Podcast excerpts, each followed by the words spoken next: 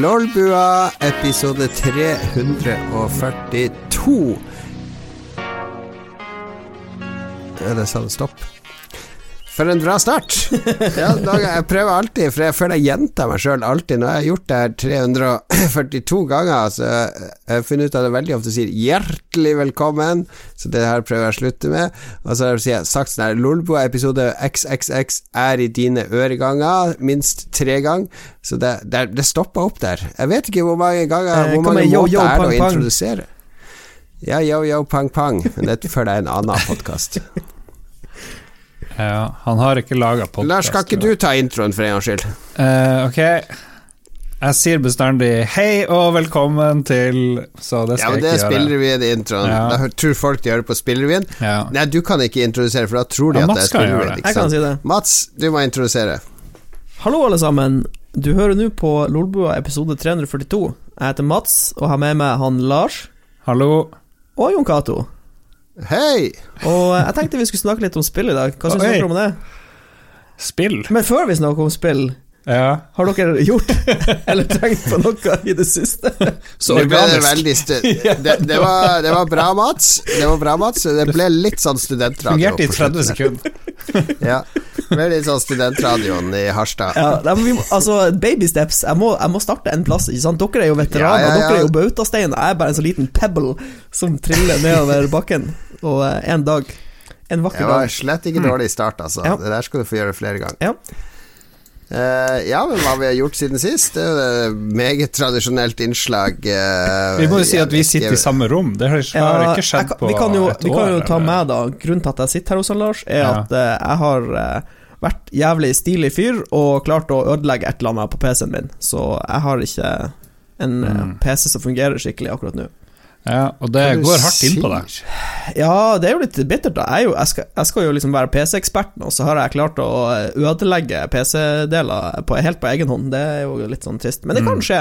Det var en litt sånn risikofylt eh, manøver jeg bøya meg ut på, og så eh, beit det meg i rumpa, og nå sitter jeg her Snakker vi Ikke at vi trenger å bli så teknisk, snakker vi litt sånn overclocking, undervolting, Ja, kombo vi- som har frya et eller annet? Ja, det er, jeg har um, ut, Som sagt, det blir litt teknisk hvis jeg skal gå helt i det, men jeg har, jeg har gjort noe som heter delidding, og så uh, var dette fase én av uh, to faser som skal bli den nye hoved... For eh, den hardwaren jeg har nå, er jo begynner å dra på årene. Det er jo, ganske, det er jo en eldre CPU, den er jo i hvert fall to og et halvt år gammel, som i PC-verden er supergammel. What?! Er det mulig?! Har du sittet og spilt på en to år gammel Ja, nettopp. CPU? Ikke sant? Ikke sant? Ja. Men så, planen var at i løp, mot, mot slutten av 2021 så skulle jeg oppgradere. Jeg hadde egentlig tenkt å oppgradere når tolvte generasjonen til Intel kommer, den som heter Older Ja, Lake. for du trodde at det skulle bli sånn der god availability på alle de nye Ja produktene? Og, men så plan, Planen var at jeg skulle, um, jeg skulle flytte alt i et større kabinett, og så skulle jeg kjøre uh, versjon 2.0 av vannkjøling. Og så skulle jeg gjøre alt klart nå. Jeg skulle bruke den gamle hardwaren min i det nye kabinettet, sånn at når jeg da skulle oppgradere til ny innmat, så så var kabinettet og vannkjølingsloopen og alt var klar. Men så klarte Ja. jeg å krølle det til et eller annet med Enten, enten så er det hovedkortet, eller så er det CPU-en som har uh, takka for seg, da. Så jeg, driver, jeg er fortsatt i uh, feilsøkingfasen. Det, jeg, jeg har kødda til et eller annet. Men du nevnte delidding. Det, det tror jeg ingen vet hva er. Det er delidding. Delidding er, det er ikke så fryktelig avansert, eh, for når du får prosessoren din fra Intel eller AMD, så er det en sånn her Uh, liten sånn firkanta metalldings på toppen, og det er mange som tror at det er prosessoren, men det er ikke det. Det er bare et metalldekk dekkskjell som kalles en IHS, Integrated Heat Spreader, og det eneste den gjør, er å fordele varme. Altså, den er et bindeledd Ja. mellom kjøler Så den er ikke bra nok for det. Nei, den er jo, det, er jo, det er jo et begrensende element, så hvis du tar av den, så kan du sette kjølinga rett ned på CPU-en. Eh, og det har jo jeg gjort, da, og så har jeg Er er vel ikke så lurt å så helle vannkjøling rett ned på CPU-en? Nei, nei altså, det, det, det var for, for, å si, for å klarifisere det, det er ingenting med vannkjølinga som har skåret seg. Eh, jeg har, det har fulgt med noe verktøy, eh, og så har jeg sannsynligvis brukt det ene verktøyet feil. Altså, jeg har ehm, jeg har lagt CPU-en oppi sånn For sånn, det er nesten som en sånn skrublokk. Du legger CPU-en Ja. oppi skrublokka, og så vrir du på en skrue, og så dytter den av den der eh, integrerte heatsprederen. Eh, Og det gikk helt fint. Og så tok jeg den av, men så det, ligger det jo som gugge, ikke sant. Så skulle jeg skrape det av. Men i stedet for å bare holde CPU-en i handa mellom fingrene, som jeg gjorde Jeg har gjort det her flere ganger før, og det smarteste er jo bare å holde CPU-en mellom fingrene, så har du full kontroll. Men jeg lot den ligge oppi den her skrublokka, og da hadde den litt du kunne, du kunne røre litt på den, ikke sant? Så det som jeg tror har skjedd, er at jeg har skrapa litt på undersida av CPU-en når jeg har drevet og børsta bort den guggen. Så det er, jo, det er jo bare jeg som har brukt verktøyet feil, rett og slett. Det her er det bare selvkritikk. Mats eh, må ta eh, Vi må ta lærdom av det her. Men får, får du fiksa det her før du skal tilbake på plattform, da? Uh, ja, jeg har, um, jeg har bestilt uh, jeg, Som sagt, jeg hadde egentlig lyst til å kjøpe en sånn skikkelig beefy Intel-PC, eller AMD-PC, da, i slutten av året, men det ble jo endring på nå, da, så det, jeg, Ja. de hadde tilbud på eh, en 10 K til 2000 kroner hos Komplett. På Fakta System? På Fakta System eller Erik og Nord? Nei, på Komplett. ok, på komplett. Eh, Så jeg har, jeg har bestilt den og fått den, så blir- det blir en sånn liten ventepølse-PC eh, til jeg kjører hovedoppgraderinga. Men det, Ja. det, det positive er at jeg hadde uansett lyst til å bygge en uh, media-PC, eh, en dedikert media-PC, så den, den lille prosessoren jeg har kjøpt nå, kommer til å få en ny arbeidsoppgave når, når han slipper å være hoved-PC-en min. Det er jo litt gøy å ha et prosjekt, da. Ja, ja da. Altså det, ble jo, det ble jo mer jobb enn jeg tenkte det skulle bli, da. Men som sagt, det er, det er ingen andre feil enn Jeg tenker det var mye badning når du drev Når du fucka Ja, det, det er litt morsomt, for, for du, du, vet den der um, Du har det her stages of grief, du har sånn denial Og så Jeg, jeg gikk, jeg gikk bokstavelig talt gjennom alle de. Det var sånn her Nei, det her går ikke an! Nei, det går ikke an! Og så bare Ok, jeg fucka opp. Ok, det er min feil. Og så bare til slutt så var det sånn Ja, ja, det er for det er sånt som skjer. så jeg gikk liksom gjennom alle de der eh, nivåene. Du var ikke i nærheten av å hoppe ut eh, Hoppe fra altanen din ut på Trondenes der. Nei, jeg, jeg, altså, jeg, det har skjedd et eller annet i den der, eh, det siste året. Jeg føler meg så eh, litt sånn munkaktig.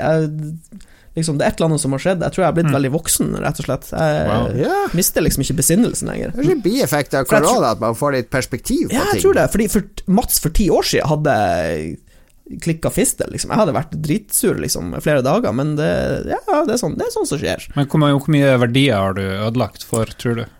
Ja, det er jo noen tusenlapper da, som har gått, så det er jo litt surt. Men som sagt, det er min egen feil, og det er Når du dealer det, du gjør det ikke uten risiko. Men jeg har gjort det flere ganger før, så jeg følte meg veldig trygg. Eh, Men så har jeg sannsynligvis følt meg litt for trygg, og slappa litt for mye av, og som sagt brukt verktøy eh, til ting det ikke skal brukes til. Så det er jo bare noe jeg må lære av, rett og slett. Det er sånt som skjer. Nei, men eh, hyggelig at du eh, deler Jeg hørte jo eh, Lars skulle jo installere sånn vannkjøling i PC-en sin, så han satt jo inn i dusjen! ja, ja. Det var sånn, det var sånn jeg renska AG-en til slutt.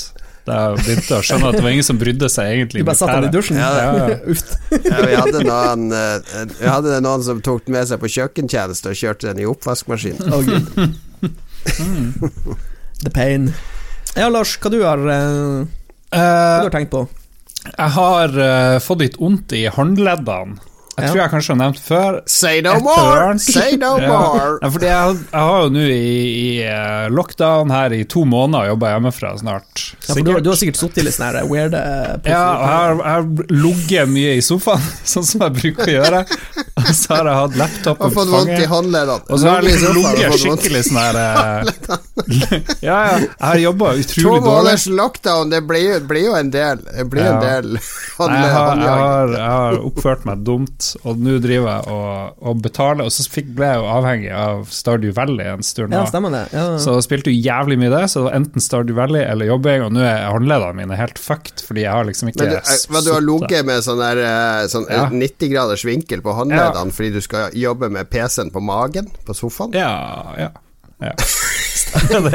Du er jo voksen mann, Lars. Altså, det det, er sånn man ser på collegefilm fra USA, at de ligger på magen i sånn saccosekk og jobber på PC-en og sånn. Ja. Vi, vi er voksne mennesker, vi må ha ergonomisk sittestilling. Jo, jeg vet det, jo, jeg har jo det på jobben. Jeg har masse sånne greier, sånne alternativ mus og ting til håndleddene og alt mulig, men hjemme så har det bare sklidd helt ut. Men, så det har gjort at jeg ikke har spilt noe, egentlig. Jeg har så vidt spilt litt det er Zoma som vi skal, skal snakke om, men noe annet har jeg ikke spilt. Så det jeg har gjort, er å sitte og se på Marvel.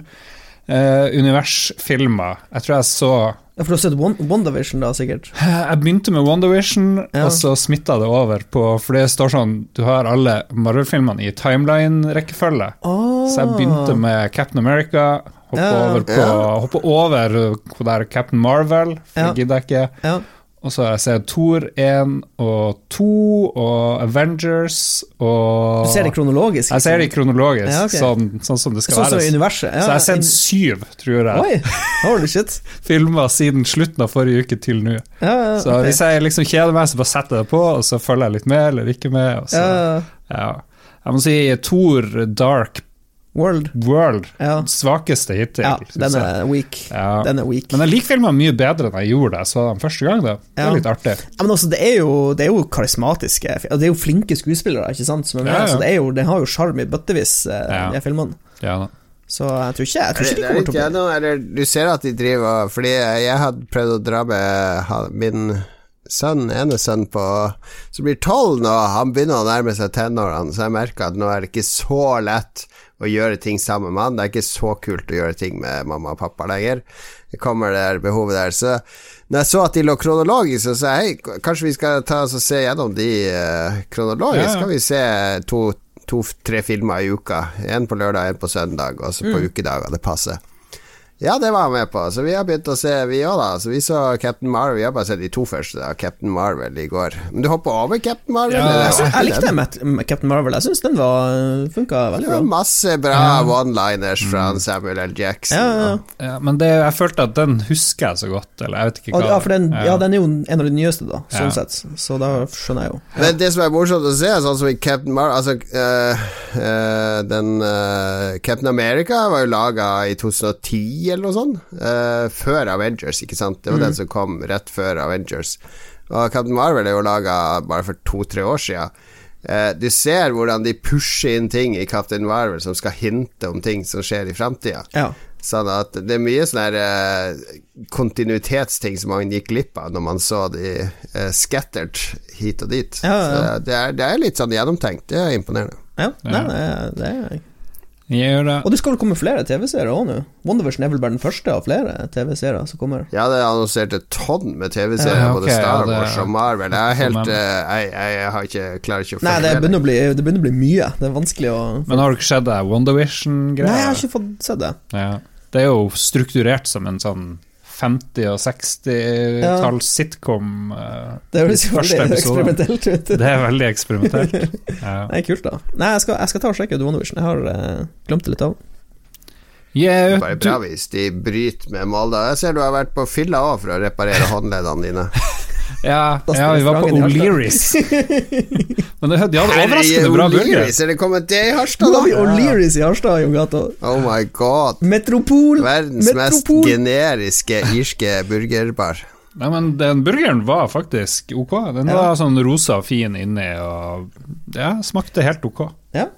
Så ja, jeg likte det. Og så bestillinga var med en sånn app. Du kunne liksom ikke Du driver mikrofonen til Mats og kollapser som en trist penis. Jeg må bare korrigere litt her. Ja, den er ikke helt optimal. Vi må, vi må ha et teknisk minutt her. Det blir jo bråkvilt. eh, sånn. Jeg tror kanskje man bare tighter den. Sånn. Jeg tror vi er back. Sånn. Vi er back. Ja, ja, fylla. Det er ikke så mye å si, men det var veldig rart å være på byen. Det er jo ingen smitte her nå, sånn offisielt. Nei, det, det vært, de har fått eh, bukt på den der spiken Ja. vi hadde tidligere. Men uh, betjeninga var veldig streng. Må, får ikke lov oss, hvis noen skulle komme og prate med oss, nei, dere må gå og sette dere, osv. Så. Ja, ok, så ja. jeg, tror det, jeg tror det gikk greit. Ellers så har jeg vært på Musikkbingo del to i Harstad, så det blir jo spennende. Var du på musikkbingo? Nei, nei, nei. Jesus. Har det vært ny musikkbingo? Jeg håper ikke det. nei jeg tror ingen lager musikkbingo nå. musikkbingo, vel, musikkbingo er veldig upopulært nå. Ja, det tror jeg er bannlyst. Det Ja. Ja, ja. Enn du da, JZ? Det, ja, de har eh, De løsna bitte litt på restriksjonene i Oslo forrige uke, så det var plutselig lov å ha besøk igjen, opptil fem stykk. Oi. Alt av eh, utesteder er stengt, og barer, og noen restauranter er åpne, men det er jo ikke noe alkoholservering, så Ja, de her sørafrikanske og engelske virusene blir jo svømme over Oslo. Det går jo ikke an å Ja. stoppe det med så Ja, det er folk. masse, masse av det britiske, var det vel 60 nye eh, nå i helga eller noe sånt i Oslo, og de kommer Mm. opp til dere òg, så det er bare å stålsette seg. De kommer på de minste, rareste stedene. Ja. Så Ja, sånn er det nå. Men når vi fikk lov av besøk igjen, så initierte jeg til eh, brettspill igjen til blant våre hyttevenner Frank, Espen og Vidar. Eh, Tore kunne ikke, så det ble det, det, De var ikke vonde å be, for å si det sånn. De var klar for litt, Tross at eh, hjemme med barn og PC-er og uh, ja, det var lite sosial aktivitet på noen av de, så de var veldig klar for et par øl og litt brettspill. Eh, og da Det var veldig rart å få besøk, da. Plutselig folk kommer inn i huset. Det har ikke kommet folk på besøk her liksom siden november. Eh, bortsett fra å stå på døra og levere noe eller hente noe. Ja, Hvor ubehagelig var det? Det var sikkert greit, men så var det sikkert litt ubehagelig. Jeg syns jo det var ubehagelig å være på byen her og tenke ja, ja. Ja, det var ikke noe ubehagelig for meg, for jeg var jo hjemme. Men det eneste var at jeg kjente på den der eh, at nå var jeg liksom vert, så jeg kunne ikke bare gå opp og sette meg og spille Tarkov når jeg kjeda meg. jeg måtte jo vente til besøket hadde gått, så det var litt rart. Ja. Men det var, var veldig hyggelig. Vi spilte noe som heter Pax Pamir, eh, som er et superkult eh, strategispill som foregår i Afghanistan på 1800-tallet.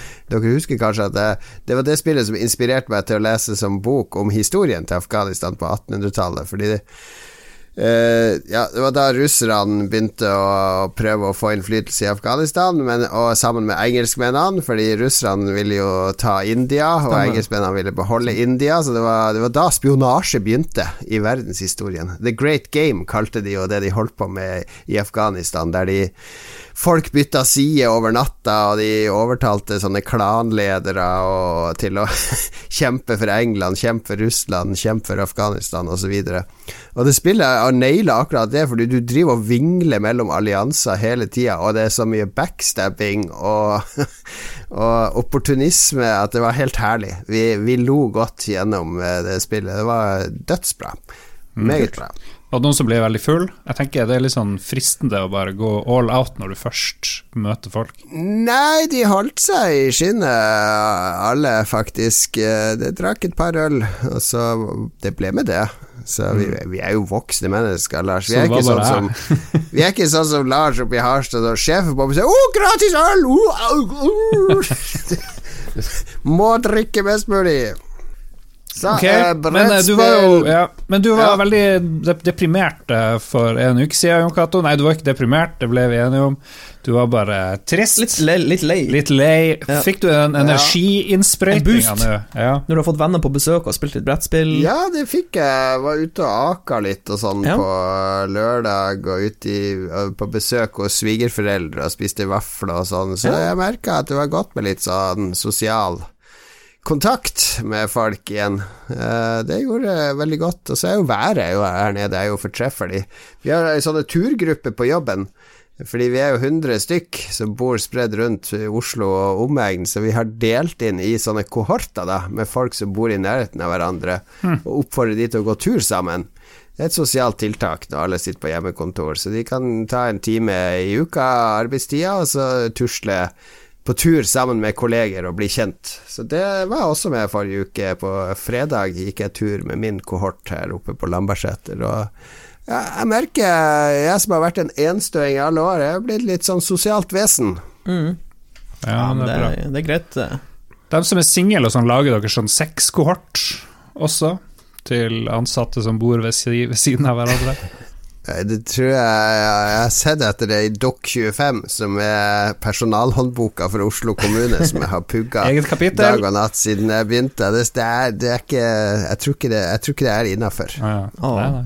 Ja, ja. Det blir om 20 år. Da er det bare sånn. Eller så er vi alle Snakker vi kinesisk. Følger de reglene.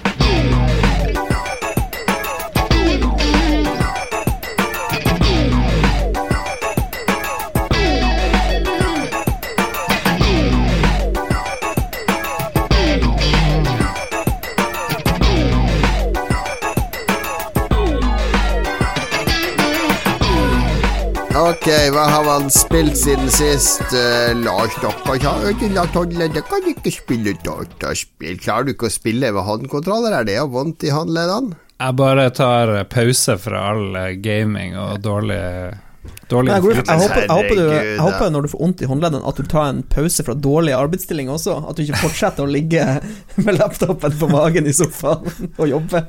Jeg gjør jo det litt. For da tror jeg vi har løsninger på problemene dine. Ja, ja, ja, ja, ja. Er ikke det her noe som eh, burde kreve sykemelding et par uker for å få handlene i orden? Nei, jeg kan ikke Kanskje ansette en sekretær som du kan diktere til, som skriver for deg? Mm, ja, det høres en bra ut. assistent. Ja, Ja. det vil jeg ha. Ja. En Ja. intern. Men du kan jo Mats, gå ned i kjelleren før du drar, så kobler du opp Kinect. For det, nå hadde ingen unnskyldning. Kinect kan han fint spille med ødelagte håndledd. Det, det går helt fint. ja. Jeg tror vi har løsninga. Løsninga er klar. Vi har løsninger. Men vi har spilt uh, Mats. Ja, eh, eller- Vi har jo Problemet mitt er at jeg har jo, Spilt? jeg har jo spilt uh, Spilt gjennom Zuma.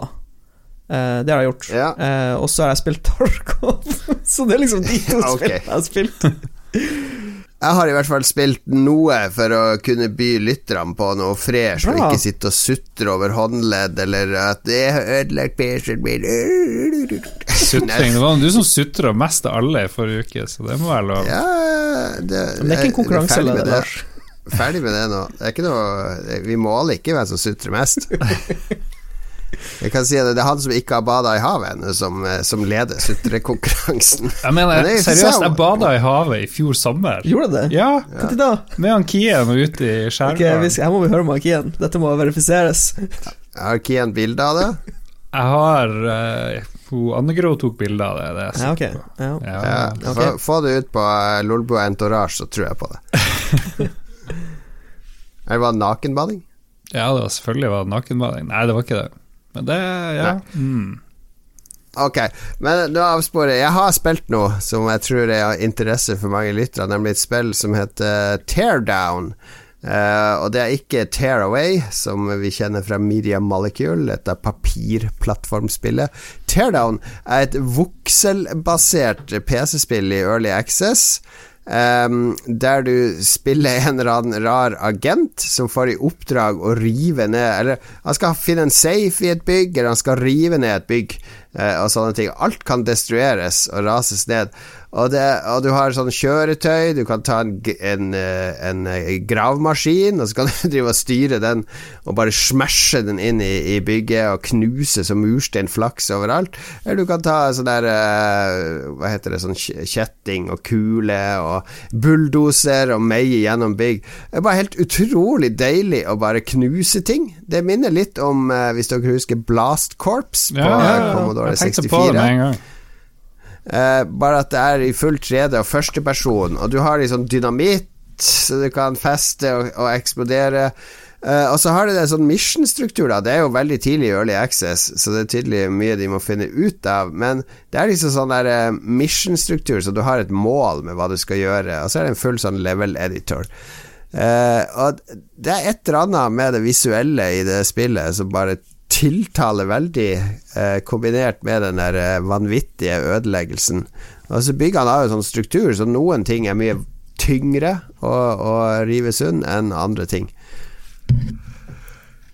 Så ja, jeg har sittet og lekt litt i det spillet, jeg ble veldig fascinert av det. Altså blir det veldig sånn vakkert når du har drevet og ødelagt eh, bygninger òg, da. Det de ser, de ser litt sånn absurd ut. Altså, det, det er ikke Minecraft-grafikk, men det er liksom eh, Det Ja. hakket over. Og så er det selvfølgelig har de åpna for brukermods, så hvis man scroller litt nedover Steam-sida, så ser man masse latterlig rare ting som brukere har laga. Kjøretøy og andre ting som driver og kjører rundt. Så jeg tror det her, det her kommer til å bli eh, litt sånn snakkis når det modnes enda litt mer. Jeg, har jeg, jeg har faktisk sett litt eh, Det var noen folk som streama det på Twitch. Eh, og det virka som det var noe sånn her eh, Jeg vet ikke om det er på hvert brett, men det var, han, det var en som sloss mot det sånn klokka. At han liksom skulle rekke å gjøre det før ei For en sånn ganske tight timer, på en måte. Jeg vet ikke om det er noe er- ekstramoduser, eller Den storyen er lagt ut at du bor på en sånn låve med en sånn Ja. vekkerklokke og sånn, og så får du missions på computeren din. Så det er litt sånn heist-opplegg. Ja, ja, Du er en sånn halvkriminell eh, fyr som skal rive ned et hus uh, uoffisielt, eller sprenge deg inn og få tak i Ja, så det er sånn sånn. timing-element på nesten alle kartene, da, eller? Ja, jeg har bare spilt et par, men Ja. eh, jeg, jeg tror det kanskje er det. Og så er det selvfølgelig eh, sånn free eh, Altså, du kan bare utforske og bygge og, og leke og ha det gøy. Ja, jeg, tror, jeg, tror jeg, tror jeg kan sette fingeren på hva som hever det over Minecraft. Det er veldig bra sånn lyssetting. Du, det ser nesten ut som Minecraft med sånne moderne lighting-mods, med sånn skygge og Mm. lys, og det ser liksom veldig pent ut på akkurat det. Ja, så er det jo mye mindre voksler. Ja, ja, litt mer- litt mer detaljer det, det er ikke så, Det er blocky, men på en mer detaljert måte. Ja, det er ikke så grovt som Minecraft. Ville det her spillet eksistert uten eh, Minecraft? Jeg syns Minecraft har en sinnssyk påvirkning på veldig, veldig mange spill. er min Ja. teori. Jeg tror ingen har tenkt på det før, men eh, alle de her eh, Crossy Road og liksom Plutselig skulle alle spill ha den der blocky-looken. Den Lego-greia. Ja, ja. Ja. Jeg vet ikke jeg...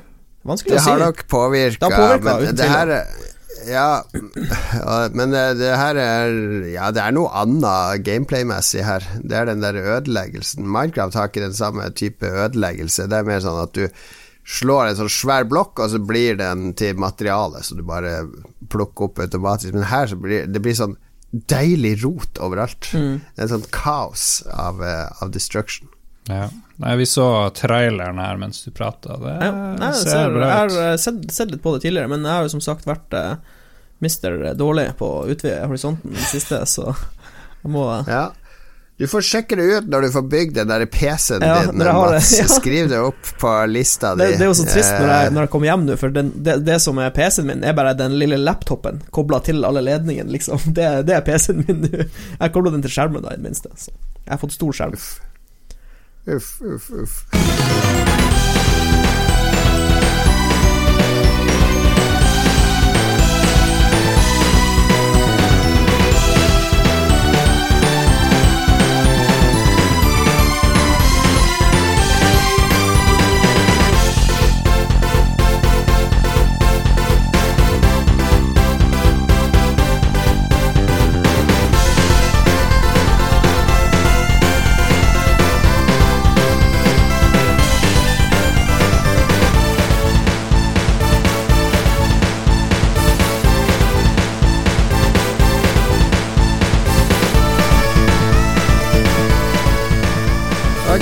spillklubben. Har du gjort det her, da? Lars, har du sett noe Let's Plays av Zuma for å være med? Uh, jeg kjørte på her en times tid før, vi, før han Mats kom. Det er sånn, læ- Læreren kommer inn i klasserommet, så sitter han og frenetisk og prøver å skrive ned noen stikkord. Jeg prøvde å skru fort av maskinen, men jeg klarte ikke det.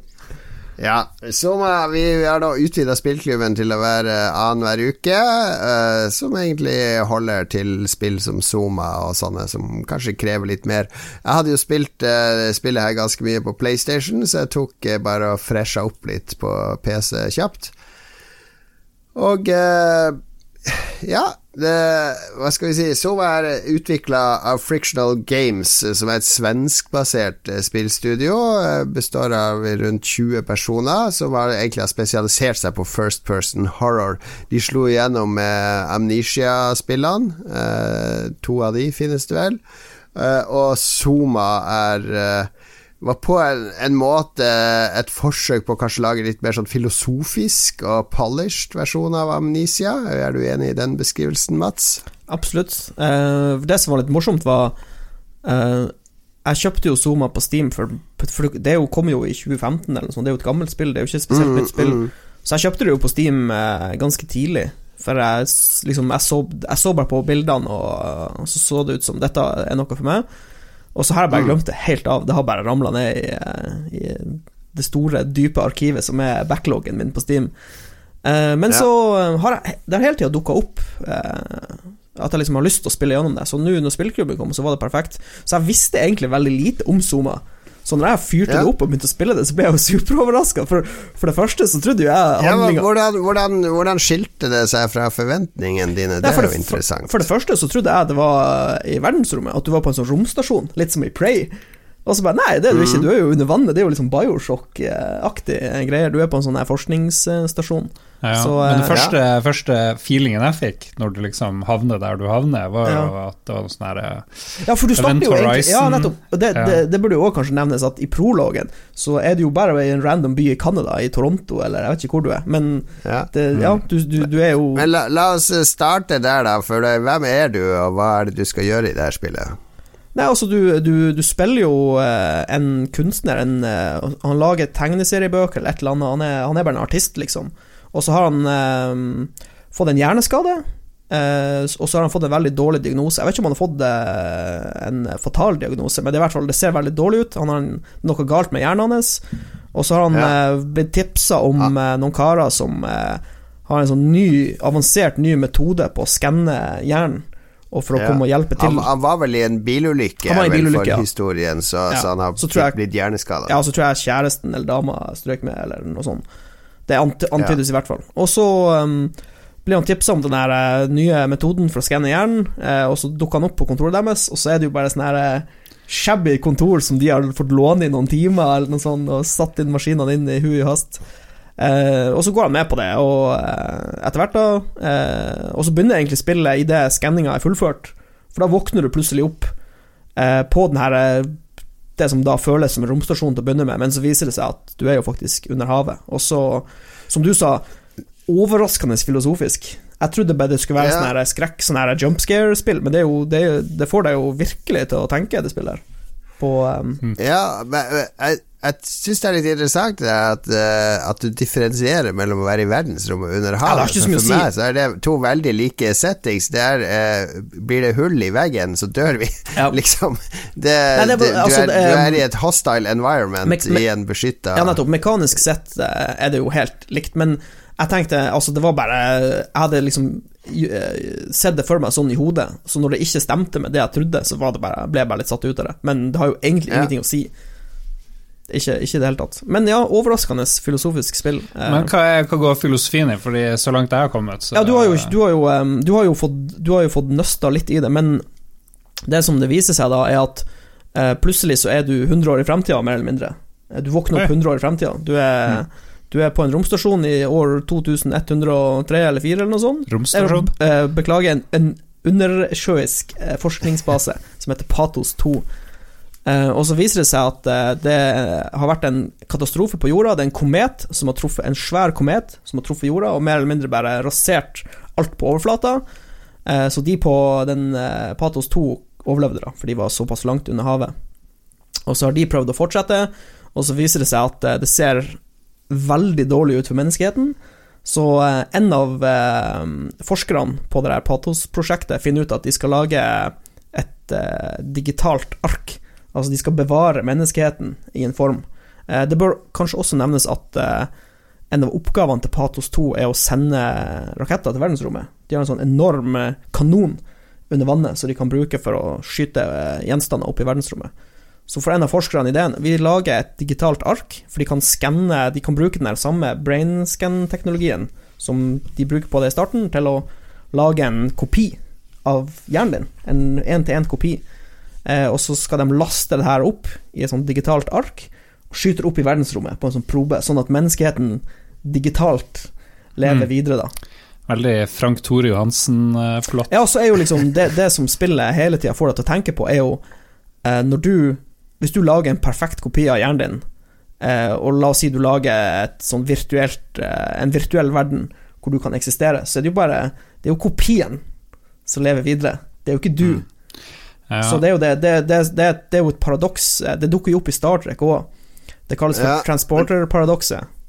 Fordi hvis du har en maskin som kan eh, lage en kopi av alle atomene og molekylene, alt av det perfekt, og, og lage det en annen plass, eh, så er det Ja, det er jo det, men det er jo, det, det er jo ikke Det er jo bare en kopi av det. En perfekt kopi. Mm, ok. Men uh, det høres ut som det spillet kanskje ikke er sånn typisk horrorspill hvor det er noen kultister og det er spøkelser og det er demoner som er ute etter å drepe de har, deg. de har, de har lagd noen skurker i form av at um, uh, det er en sånn, uh, et sånn avansert datasystem som heter VAU, som har tatt litt Tatt arbeidsoppgavene sine litt på alvor. Det var egentlig sånn beskyttelsessystem. Og så har den, eh, det systemet begynt å eh, eh, Jeg vet ikke om det er systemet som har gjort det, eller om folk som har gjort det frivillig, men det, de, de, noen av de her kopiene av mennesker har blitt lasta opp i roboter. eh, og blitt gal, mer eller mindre, og går rundt og eh, ikke har det så bra. Og så er det en eh, eh, Det er en sånn slags eh, eh, Ja, vanskelig å beskrive, men det er Det er noen som prøver å stoppe deg i å, i å gjøre det du har lyst til å gjøre. For du, du skal jo hjelpe dem med å få den her arken opp i verdensrommet. Men det er lite eh, imot Altså, ja.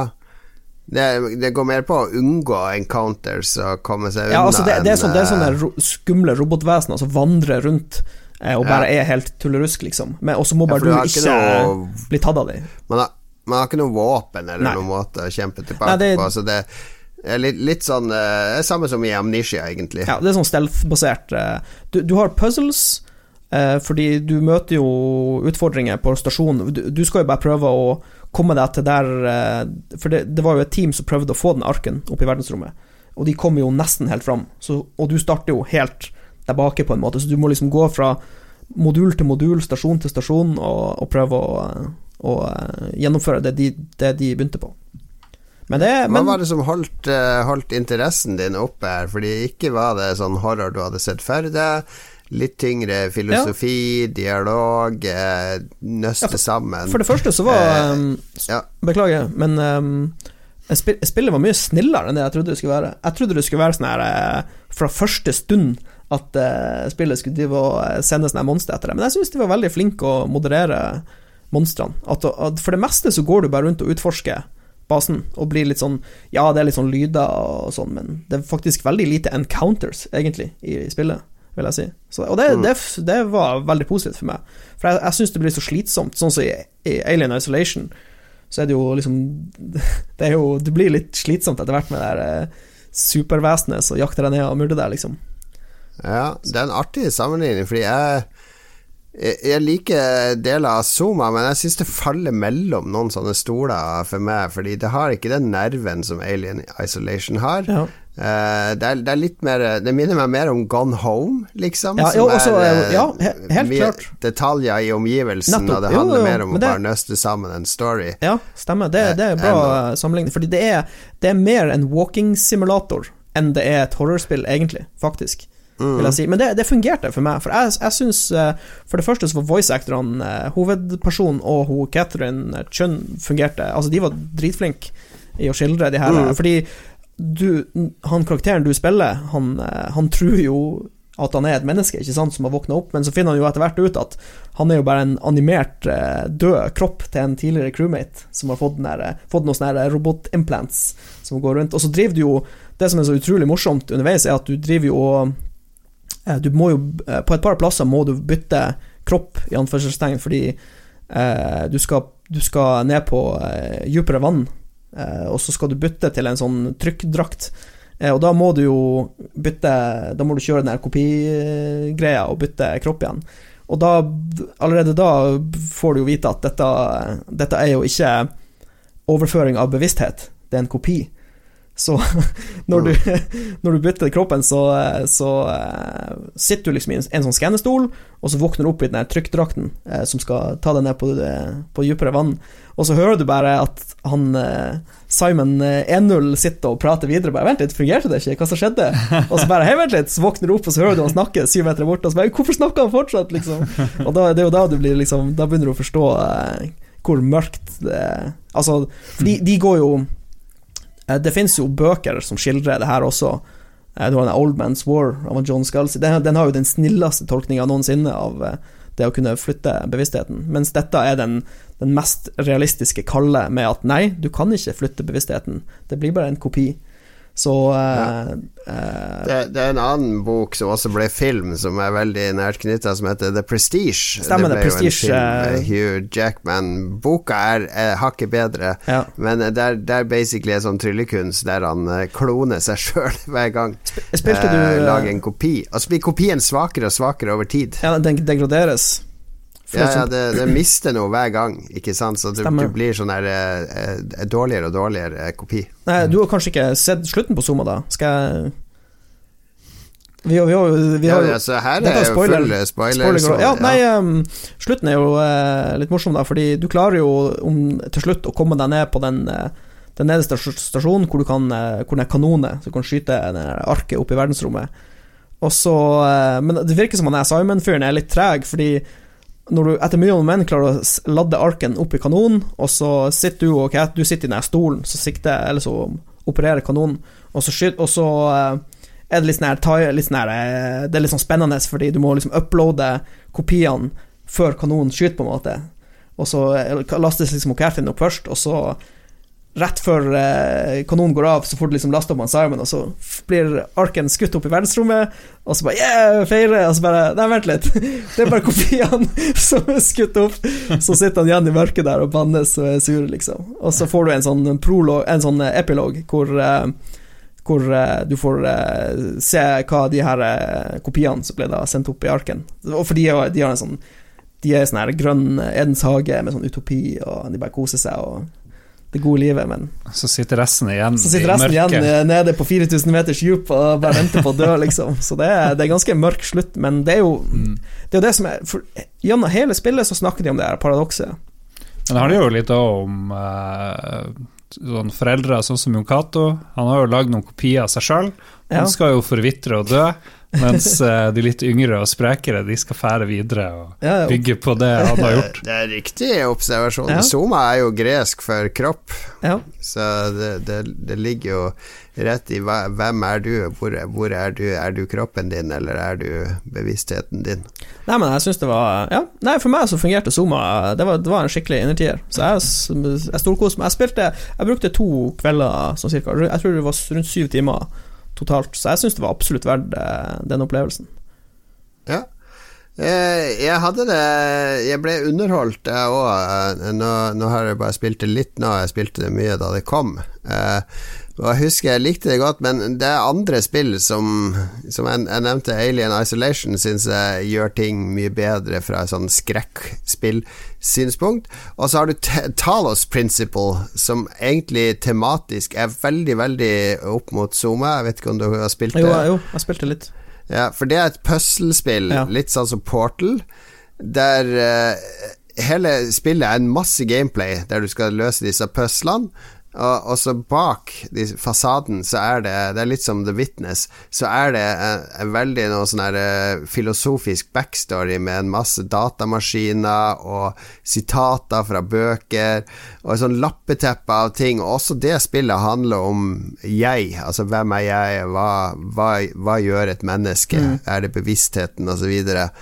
Så som jeg ble jeg, jeg klarte ikke å la være å sammenligne med Talos Principle når det begynte å komme eh, at, at Zoma Filosofi-overloaden var, var en sånn filosofisk reise, fordi Talos Principle føler jeg overlater mye mer til deg som spiller å tolke, Ja. og det liker jeg veldig godt. Men Zoom er litt mer sånn der in your face Uh, «Å ja, 'Nå blir du kopiert', og Ja, ja. der, der, der, er konsekvensen er Ikke sant? Det er litt, litt mer eh, amerikansk, eh, hvis vi skal si det. Litt sånn Hollywood-versjon av den der uh, europeiske kunstspillet Talos. Ja, ja nei, for du, får, du er ikke noe vei utenom det som skjer i, i Zoma. Altså, du blir bare fortalt sånn er det. Liksom, tøff shit. eh, Du må bare deale med det, liksom.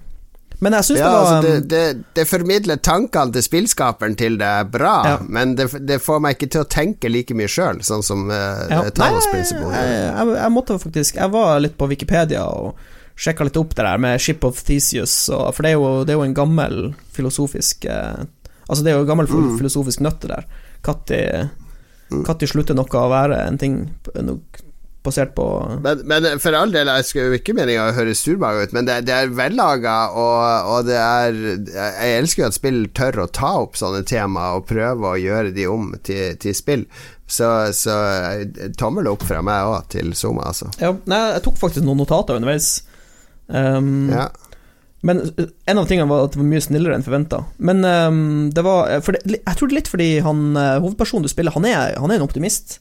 Han er veldig sånn 'Dette skal vi få til'-fyr, liksom. Så det smitter litt over på Ja. tror jeg. Eh, også, Han er en um, optimist. Han tror det går bra til sist. Ja. Og så var det Det Så lenge du lever her. det var et par av eh, Det var et par av underom, underområdene, altså de undervannsområdene, som var utrolig bra lagd.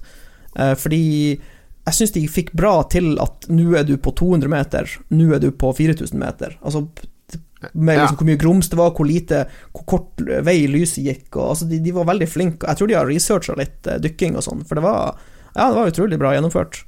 Uh, og så likte jeg Det var et par sekvenser Fordi det, det er light på horror, egentlig, underveis, syns jeg, da. Uh, altså, det er ikke så slemt, men det er et par sekvenser som er sinnssykt bra lagd. Det er en sekvens hvor du, du skal inn på sånn serverrom og resette en sånn ruter for å komme deg inn på noe sånn system.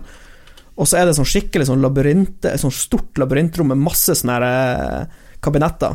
Eh, Så du, du kan liksom snirkle deg mange forskjellige veier fram, og så skal du selvfølgelig helt i enden av rommet for å resette den der ruteren. Og så er det en sånn trasig kar i rommet som driver og leter etter det. Eh, Og på et tidspunkt så må du Mm. stå med en sånn terminal, og så må du eh, resette den, og så går det noen sekunder før du får lov til å faktisk flip the switch. Så hører du han luringen komme bak deg, liksom. Så må du Du klarer Du kan ikke stå der hele tida med terminalen og bare vente, du må ta en sånn runde og lure han rundt. Men så var det så sykt stress å bare se på den timeren, snur deg bak, kommer han, til, kommer han høyre, kommer han venstre, kommer han midt på, liksom. Og da, da kjente jeg Da gikk faktisk pumpa litt. Da ble jeg skikkelig stressa. Så jeg syns de lykkes et par plasser. Og så er det en sekvens hvis du ikke liker edderkopper, som sannsynligvis eh, kommer til å eh, ødelegge noen. For det er sånn her. Det er når du er på det, på det djupeste i spillet, så eh, skal du forflytte deg ut, utendørs, da, fra en base til en annen, og så er det en veldig sånn sterk strøm, og så må du rømme fra noen sånne greier, og så går du inn i sånne her grotte, hvor det er sånne her lang sånn, sånn her, eh, Det ser ut som edderkopper, men det er jo noe sånn her eh, krabbe eller noe sånt. Men de har sånne skikkelig tynne, lange føtter, og så er de over deg i taket og driver og Jeg er ikke noe sånn Jeg har ikke noe edderkoppfobi, men jeg er ikke, noe, jeg er ikke glad i edderkopper, for å si det sånn. Og da, jeg, da ble jeg litt stressa, for det, de er liksom bak deg, over deg, og kravler rundt overalt og flytter Nei. på seg. Og, ja. Men hvor, mye, men hvor mye, for det er jo litt horror her, da, åpenbart. Hvor mye sånne spill spiller dere? Jeg er jo nesten aldri Nei, det er det som er Jeg er, jeg er så dårlig å spille Men jeg er, dårlig å se horrorfilm, og jeg er dårlig å spille horrorspill, men jeg lik, når jeg setter meg ned og gjør det, så liker jeg det jo.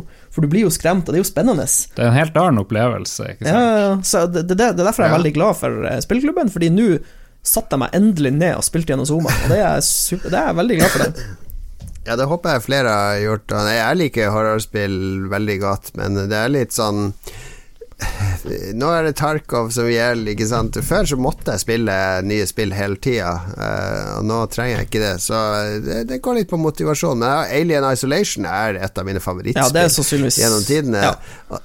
Ja, det vender jeg tilbake til jevnt og trutt, eh, og gjenbesøker, fordi det er så gjennomført. Så, eh, men eh, nye horrorspill Ja, jeg vet ikke. Jeg, jeg føler sånn Resident Evil, det føler jeg ikke er ordentlig horrorspill lenger. Eller syveren var det.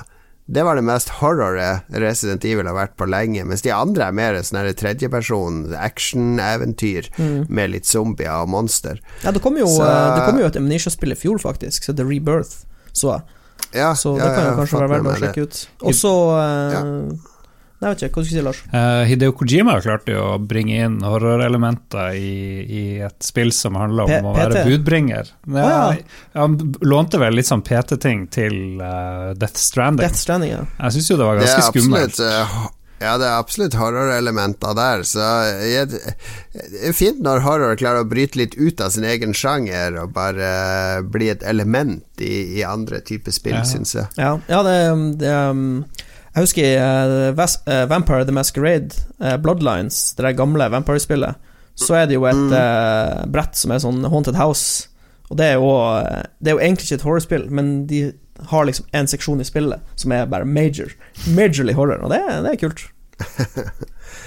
Moro. Nei, men uh, Soma var bra forslag, uh, Mats. Uh, synd at Lars ikke fikk vært med. Ja, Jeg fikk eh, litt, litt starten. Jeg fikk den Ja. der horrorfeelingen. Ja, ja, ja. Fikk smake litt på det. Så håper vi mange lyttere ble inspirert. Vi har fått ett lytterbidrag, ett enslig eh, Jeg tror det er flere som har vært med å spille, men det er kanskje ikke alle som vil dele. Men Trygve han tar vi inn som gjest med en gang Mats er tilbake på plattform. Lars, det syns jeg han fortjener. Fast bidragsyter til uh, spillklubben. Han uh, Trygve har spilt Zuma, og litt forkjølt var han. Forhåpentligvis ikke korona, bank i bordet, men han har lest inn sine inntrykk her. Første gang jeg spilte Zuma, så syns jeg historien var kjempebra. Og atmosfæren var kjempebra, settingen kjempebra. Alt det der likte jeg veldig godt. Og så likte jeg ikke monstrene i spillet. Det er litt uh, interessant å sammenligne med Amnesia, som jo var det forrige spillet til uh, Frictional Games. Hvor de Det var liksom fokus på monstre, ikke sant? Um, i hver seksjon så hadde du ett monster som du fokuserte på. Alle husker liksom den, uh, det usynlige monsteret og den som plutselig kom bak deg og skremte deg til døde og sånne ting. Men uh, Soma så føler jeg historien er veldig mye mer i fokus. At settingen og hele det å bare finne ut av hva som har skjedd, hva som må gjøres, og hva som er grunnen til at du er der du er, konsekvensen av det, og det innspillet det har på på slutten av spillet, og hvordan historien utvikler seg, det er eh, syns jeg er helt fantastisk bra laga. Og det føltes alltid for meg som at monstrene var i veien for historien i Soma. Og eh, det syns til slutt også de som lagde spillet, for det kom jo da etter hvert en safe mode, som det heter, hvor du eh, Du spiller spillet som vanlig, men eh, monstrene kan ikke skade deg. Og da er mye mer fritt til å fokusere på historien.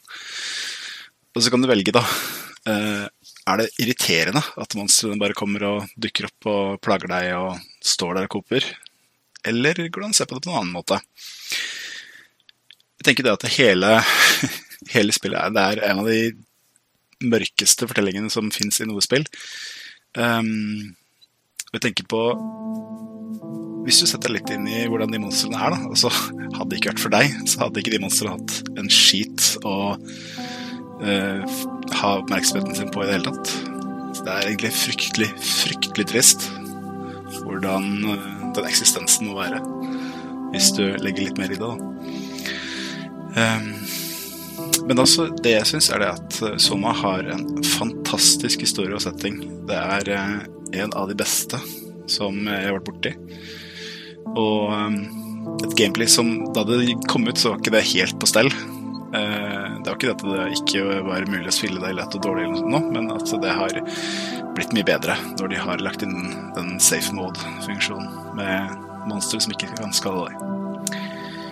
Så um, anbefaler jeg. Ja, absolutt. Det er et essensielt horrorspill for alle som er glad i den typen, um, den type spill. Eller bare skumle ting.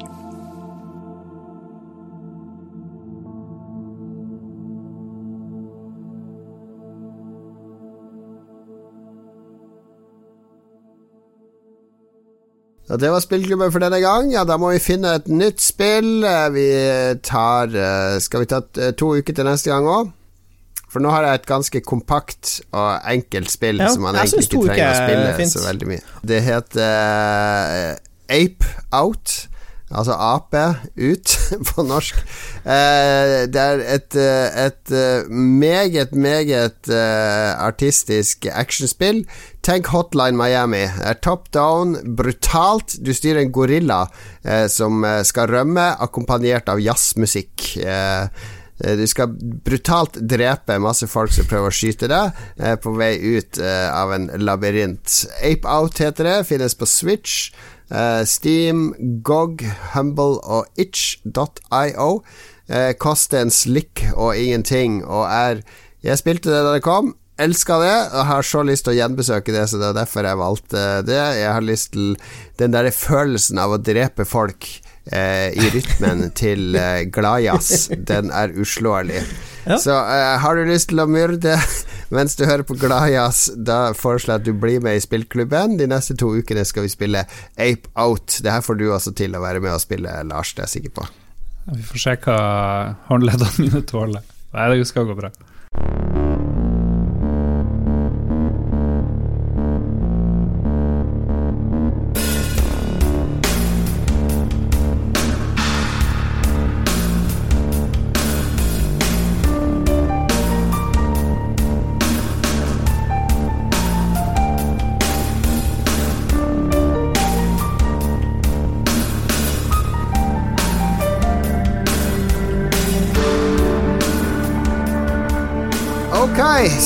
Godt å være tilbake ved spillklubben. Jeg føler jo at folk liker den. Vi får gode feedback på den. Og det er mange som vil ha et litt sånn, sånn som Mats sier, et litt sånn spark i baken Ja. på, på å sette seg ned med noen spill. Det er- de har, de har det- kjørt seg litt fast. Det et, eh, det det er et awesome konsept, rett og slett. Så eh, den spillklubben må leve videre. Vi må verne om spillklubben. Vi skal komme til ukas anbefaling. eh, Der anbefaler du å, å bruke feil verktøy når du renser CPU-en, Mats. Nei! Eh, jeg, har, jeg, har, jeg kan ta Jeg har en kort, eh, short and sweet anbefaling. Det var en film jeg så i går Mhm. kveld mens jeg kjeda meg. Den heter The Dig. Den er på Netflix. Det er en, Ja, det er en britisk dramafilm som handler om Det er rett før eh, Altså, eh, eh, først, eh, andre verdenskrig, beklager, er liksom bakteppet. Eh, eller det, det er uro, uroligheter i Europa. Det byg, brygger opp til krig. Eh, og så er det ei, ei dame som eier masse land. Og så mistenker hun at det er noe verdifulle greier på, på tomta si. Og så ansetter hun en fyr som heter Basil Brown, som spilles av han Ralph Fine? Fiennes? Hvordan uttales det? Ja, det lurer jeg på.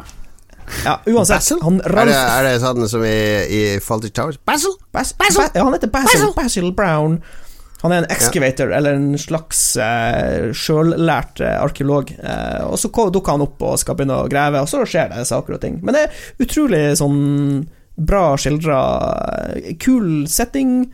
Folk er flinke, det fungerer. Det er liksom Og så ble jeg veldig rørt. Eh, Jeg vet da faen hva som skjer, men jeg føler oi, at Oi, oi, du har blitt voksen. Du både kriseminimerer, Ja, ja. ting du Ja, før altså, sånn du gråter av film. Ja, altså Når jeg ser sånne dramafilm, jeg, blir så, jeg er så lettrørt nå når jeg ser film. Det er helt sjukt. Jeg sitter med Sitter bare og bugger seg opp tårer i øynene. Bare det minste Er det fordi, er det fordi PC-en din har gått gått ikke? kanskje det, det. Jo, men sånn generelt sett Jeg blir veldig fort rørt av Jeg, jeg så uh, siste sesongen av The Expanse, jeg ble rørt hele tida. Det var sånn her eh, Hva er det som skjer? I'm so emotional. Du Men blir, uansett men du eh, blir investert, du har følelser, du er et menneske, Ja, jeg tror det Mats. Det er bra. Ja. Det er derfor Lars bare ser Steven Seagal som gammel ræl. Fordi han er så redd for å kjenne på de følelsene du har sett moderne film som han kan relatere til på et menneskelig plan. Det stemmer. Kun Marvel, kun Steven Sigal. Lenge siden nei, men, vi har eh, sett Steven Sigal. Ja, vi, vi har vært litt dårlige på det. Men eh, u- u- hvis, du bare, hvis du bare har lyst til å se en uh, utrolig fin dramafilm med ku, kul, eh, litt sånn unik setting, så eh, må du sjekke ut eh, The Dig. Singel mann som sitter og ser dramafilm og gråter alene, Mats. Dette er en ny side. Ja, Dette liker det, det, må si, det må sies at hun, hun Carrie Mulligan, hun som spiller en av hovedrollene eh, Jeg har hatt sånn megacrush på henne siden eh, Mm. en, Det var en sånn her jeg, jeg tror det heter Never Let Me Go, eller noe sånt. Det er en gammel, eller ikke så gammel, da, science fiction-film. Ja. Så jeg har en ting der. Hmm. Så det, det var egentlig derfor jeg så The Dig, faktisk. Hvor, hvor mye har filmen The Dig med spillet The Dig? Ja, dessverre Ja, det lurte jeg på, gamle LucasArts-spillet. eh, Det har graving til felles. Husker du at Steven Spielberg var involvert i Ja, ja, The ja. Dig? Ja, det var basert på en Steven Spielberg-idé, sånn idé, tenker jeg. Kanskje vi må ha Sikkert noe han hadde sagt i- på en bar en gang. Oh, what do we call the three astronauts on a planet? Yeah. Og så var "Eh, Based on a Steven Spielberg-ID. Er det et veldig bra spill, det digg? Jeg tror ikke jeg spilte det i ett sekund. Jeg Jo, jeg spilte det igjennom, og det, det var sånn spill det var et av de Eller det var sånn Det jeg husker fra det eventyrspillet, er at det er utrolig mange locations. Og mange fine, sånne stemningsfulle locations med ingenting å gjøre i. Så liksom 80% av de stedene du var på, var det ingen interaksjon eller ting å plukke opp. Det var bare reiseetapper. Så jeg husker jeg reagerte på det, at det var liksom Det var sånn unødvendig. Ja, for det er noe sånn her du, du er ikke på Det er i verdensrommet, eller på en måne, eller Ja, ja, ja. på en planet en eller annen plass. Det er noen astronauter, liksom, du styrer, på en måte. Ja. ja. Det var det. var Veldig kult cover, husker jeg, med Ja, jeg husker- sånn der eh, gravd med sånn lys som kommer opp fra sånn hull i bakken. Hva, med tre jeg kan ligge oppi der? Hva fant de? Hva fant de? Hva fant de, hva kan skjule seg her? Jeg skal ta, og jeg har også vært og sett på Netflix og HBO. Og nå, selv om jeg, jeg skal, jeg skal jo ikke se begynne på noen sånne lange, tunge TV-serier, men jeg har sett med en miniserie på fem episoder med min kone avsluttende. Uh, så jeg, kanskje har jeg brutt nyttårsforsettet mitt allerede. Det er en miniserie på HBO. ingen som trodde at det Eh, skulle holde så veldig lenge. laga i England som heter It's a Sin. Eh, eh, det samme som Pet Shop Boys-låten 'It's a Sin', hvis dere husker den. Eh, som handler om eh, homsemiljøet i, i London og England på starten av 80-tallet, når aidsen kom, basically. Og hvor enormt Jeg husker jo så vidt aids og Rock Hudson og alt det der når det kom, men det var så mye sånn der Eh, det var, jeg kan ikke kalle det fake news, men folk visste jo ikke hva det var. De visste ikke hvordan det smitta. Eh, og I starten så var det sånn hvis du fikk aids, ikke sant, så ble du jo stengt inne på et sånt sykehus, og folk gikk inn i verneutstyr. Det var jo verre enn korona, ikke sant, fordi man skjønte ikke hvordan det smitta, om det smitta via luft, eller om man kunne ta på folk. eh, eh, kunne man være i samme rom, osv. Så, videre. Så Så det var sånn der eh, Og så var det sånn homohat òg oppå det, ikke sant. Det var jo Guds straff til de homofile, mente noen, og det var til pass for de Og så mye skam knytta til det, ikke sant. Eh, så det, det er egentlig veldig sånn lystig skildra, sånn som britene klarer å skildre eh, ting. Veldig lystig, glad gjeng med, med homser som bor sammen i London. Unge folk som utforsker sin egen seksualitet. Masse bra musikk. Eh, masse kule karakterer. Og så er det det er sånn drama som går fra at du blir veldig glad på deres vegne, til at du blir veldig lei deg, ikke sant, fordi det, det går jo dårlig med flere av de. Eh, det er kamper de står i, det er ikke sant, familie som ikke vet at de er homofile, så de holder det skjult for, det er smerte. Og, ja, det blir litt sånn som Mats, blir litt sånn der holde holder tilbake tårer her og der. Ja. Veldig rørende Ja. skildra.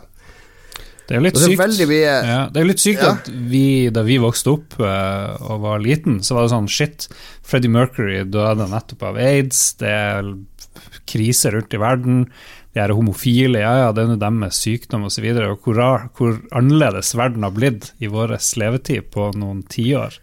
Det er jo en veldig fin Ja, vi- utvikling at vi er der vi er i dag, men nå er det jo fremdeles enkelte land, hvor, som Russland, hvor det er det er vel ikke like greit å være homofil og sånn, så det, det, Nei da, det er masse å gjøre på verdensbasis fortsatt, men i Norge har vi jo kommet et stykke, og det var jo veldig bra leserinnlegg i Aftenposten i dag fra Bjørn Sterk, som skrev litt om at den transpersondebatten vi har nå, er liksom den samme som vi hadde om homofile for 30 år siden. Fordi det, det er det samme mistenkeliggjøringa, og vi må ikke slippe de homofile til, og de vil, de vil uh, ligge med våre barn, og de vil konvertere. Uh, det, det er masse sånne skygger av den samme debatten i den der håpløse transpersondebatten som er i dag, det er en masse kommentarer som sier ja, vi må ta vare på ytringsfriheten, og, og transpersoner ikke blir hørt i hele debatten. Så det er, ja, det er mye å lære av å se It's a Sin, om holdningen vår, rett og slett. Og for, for ordens skyld, det har ingenting med Pet Shop Boys å gjøre. Jeg tror låten er med, faktisk. Det er mye bra musikk fra den eh, epoken. Ja, okay. Yazoo og masse Ja, ja, annen glad eh, homsedisko-musikk. Og så er det ganske mye homsing i den, da. Det er ganske mye eh, klasking av skinke mot skinke og litt sånn Altså, du får ikke se kjønnsorganer og sånn, men det er jeg, jeg vil jo si at det er sunt å se voksne menn, eh, eller unge voksne menn, være glad i hverandre. Ikke gamle voksne menn. Bare unge. Ja, det er noen halvgamle òg, men, men jeg, jeg vil jo si at det er sunt. Et sted må eh, grensen gå. Ja. eh, og så leste jeg også interessant, eh, det var intervju med regissøren her et sted, at alle de, som er, alle de som spiller i den filmen, er homofile. da Oi. Det var veldig viktig for han å bare caste homofile folk i alle rollene. Og det fikk meg til å tenke litt at hva, eh, hva Hvordan skal vi vise det, liksom? Har du sånn homosertifikat, eller Ja. Der, jeg kan jo bare si at jeg er homofil, for jeg er desperat etter å få den rollen. Jeg jeg, jeg synes det begynte det, det, det begynte fantasien min å løpe litt løpsk, det er kanskje jeg som Du tenkte mye på sånn streite folk som er undercover i homsemiljøer later som at de er homo for å få eh, Ja, men folk er jo desperate etter å få roller Ja, ja, i en sånn storproduksjon, Nei, ikke sant? Og så kommer du og sier ja, vi, vi kaster bare homofile, er du homo? Ja. Hva hvis, Altså, du, hva hvis du er bifil? Eh, Mm. Ja. Ja, det, det er sant. Ja. Men det er søte, flotte folk som er casta, og, og de har Ja, det er verdt å se. Fem episoder, masse bra musikk, masse fine mennesker, og viktig historie. Viktig fortelling. Ja. Jeg hadde håpa jeg skulle kunne anbefale oppfølgeren til en bok jeg snakka om for to uker siden, som het Gideon the Ninth, som er en av de kuleste bøkene jeg har lest på lenge. En sånn blanding av fantasy og science fiction. Veldig, veldig artig bok som jeg fortalte om eh, da. Og så har jeg sett oppfølgeren Harrowhawk the Ninth, eh, og så ble jeg ganske skuffa. Så, så vi skal jo bare anbefale ting her, da. Men det, det kan være en sånn advarsel. Du må ikke lese oppfølgeren hvis du Holde deg med første boka, liksom. ja, eller den har fått jævlig mye skryt, den òg, men jeg, den, den, øh, den slo meg ikke helt uh, i hjertet. Fordi der den første boka var i nutid, så er den her med utrolig mye flashbacks. Bare masse flashbacks til sånne episoder du vet er stort sett bare bullshit, for du har lest den første boka, og så er det mye sånn her gå igjennom det som skjedde i eh, tidligere i den nye boka, og det irriterte meg. Så jeg drev og bladde fort forbi alt, og så fikk jeg bekrefta liksom at ok, det hadde kanskje litt med realitet å gjøre, men det meste var bare fantasi og bare tull. Okay. Og det irriterer meg å lese 200 sider med, med sånn drømmesekvenser, egentlig. Og det, det, jeg liker ikke drømmesekvenser i, i verken film eller, Eller såpeopera. ja, for det betyr jo egentlig ingenting. Det var bare en drøm. Ja, stort Ja. sett så er det jo bare tull med sånne drømmeting, uansett. Eh, og så kan vi jo nevne kanskje den nye podkasten i Ragequit-universet som heter Likos, uh, Likos univers. Eh, featuring gjedda, som er sånne to karer som de har trykka til sitt bryst. Og så er de gjedda med en ny podkast helt uten å spørre oss. Og det syns jeg er jo artig. De bare peiser er på. sånn, eh, det er sånn vi vil ha det. Ja. Autonomi. Så de driver og prater i en halvtime om smoking av kjøtt. Ja. veldig mye smoking av kjøtt og ting som de bare faller inn. De har ikke helt funnet liksom, noen form der, da, så det blir jo interessant å se hvordan det går. Så det er ikke en helhjerta anbefaling, men det er en one to watch, eh, tenker jeg. Så min eneste solide anbefaling er, hvis du er et degenerert menneske og, og lever i, i the twilight av universet i pandemien og mangler noe retning Hvis du nå går og ser, for nå har påskegodtet kommet til butikkene, de er ikke båret ut overalt. Moderen var og sjekka, fordi hun skal sende det til min bror, for han blir deprimert hvis han ikke får påskegodt, for det har kommet i butikkene nå. Har de ikke påskegodt i Sverige? Nei, ikke fra Nidar, som jo er det han, han vil ha. men, eh, Norsk påskegodt. ja, men her i Harstad i hvert fall, så finnes det fremdeles masse julegodt. Så, så hvis du har lyst til å spare penger, og det er jo det står litt nøyaktig gammel marsipan. Det er jo samme ingrediensene, tenker jeg, så det er jo bare å kjøpe Kjøpe masse julegodt nå, spare det til påsken. Det er ikke påskegodt, bare en reskin Ja, det av julegodt. Det, ja, det er jo det. Ja, ja. Eller du har de her eggene, da. Er ikke de litt sånn Ja. Jo, de er jo Kanskje de har en bitte litt annen smak. Er litt Ja. Er ikke det de palmeoljeeggene til vet Elise? Jo, det er det, vet du. Ja, men dem finnes det masse av til halv pris og sånt. Så, men på, på, uh, påskegodt i Norge er vel bare at du uh, kjøper et sånt stort tomt egg og fyller det med snop. Det er vel det som er nor norsk påske, Ja. er det ikke? Ja. ja, Ja, Jo. skal du gjemme det, og så skal barna finne Ja. det, for det har påskeharen vært og gjemt det. ja, ja. Så det var, det var det jeg kunne bidra med i anbefalingsspalten. Veldig og tvilsomme lite du greier. bidrar med i episoden generelt, egentlig, Lars, må jeg si. Min gravitas hviler jo over dere. Jeg holder dere i min hånd. Dere er trygge. Nå vel. Nå vel. Det er det minner om eh, Vi brukte å spille fotball før i Harstad, en vennegjeng om sommeren. Eh, På videregående og etter videregående. Og da ett år så innførte jeg en fotballbok, for jeg, var, jeg ble så fascinert av eh, journalistene som ga sånn anmeldelse til fotballag. Eh, ga terningkast til alle spillerne med hvor bra de spilte og sånn. Så jeg tenkte det kan vi gjøre. Vi spiller ti-tolv stykk, spiller seks mot seks. altså gikk den fotballboka på rundgang der alle skulle skrive anmeldelse av kampen og hver spiller og gi terningkast. Ja, da husker jeg det var en som heter Lillelag, eller vi kalte han for Lillelag. Vi hadde en spiller vi kalte for lagkaptein, fordi han alltid drev og kommanderte. Altså han Lillelag var en sånn liten tass som alltid fulgte etter han, så han kalte vi for Lillelag. Jeg husker ikke hva det het på ordentlig engang. Men eh, det var en som, en som ikke var så glad i lillelag, som skrev anmeldelse, ga han terningkast én. Det var sånn der eh, Forstår fotball veldig dårlig, får én fordi han er med og spiller. Altså, det, ble så, det ble så brutal etter hvert, denne fotballboka, at vi måtte rett og slett gå bort fra Det ble den. slakting. Og nå, nå føler jeg at Lars er litt på den der eh, Jeg er på du, får, Du, du får tommel opp. Du får tommel opp for at du er med og spiller inn podkast. Eh, Men, det eh, men stopper der. bidraget kan vi stille litt spørsmålstegn ved. Herregud. Det var en veldig brutal eh, anmeldelse der, men jeg tar det til meg. Skal komme sterkere tilbake neste gang, eller kanskje ikke. Vi får se.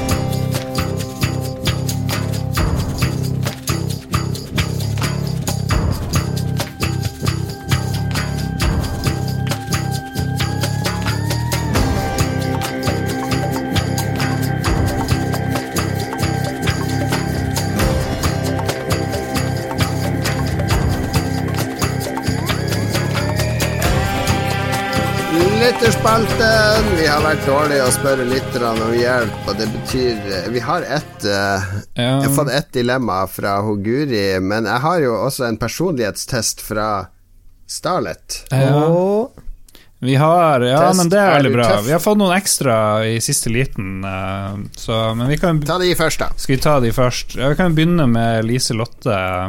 Guri Lotte Reibodal Lise Lotte. Guri Lise Lotte Reibodal. Hallo, Lise.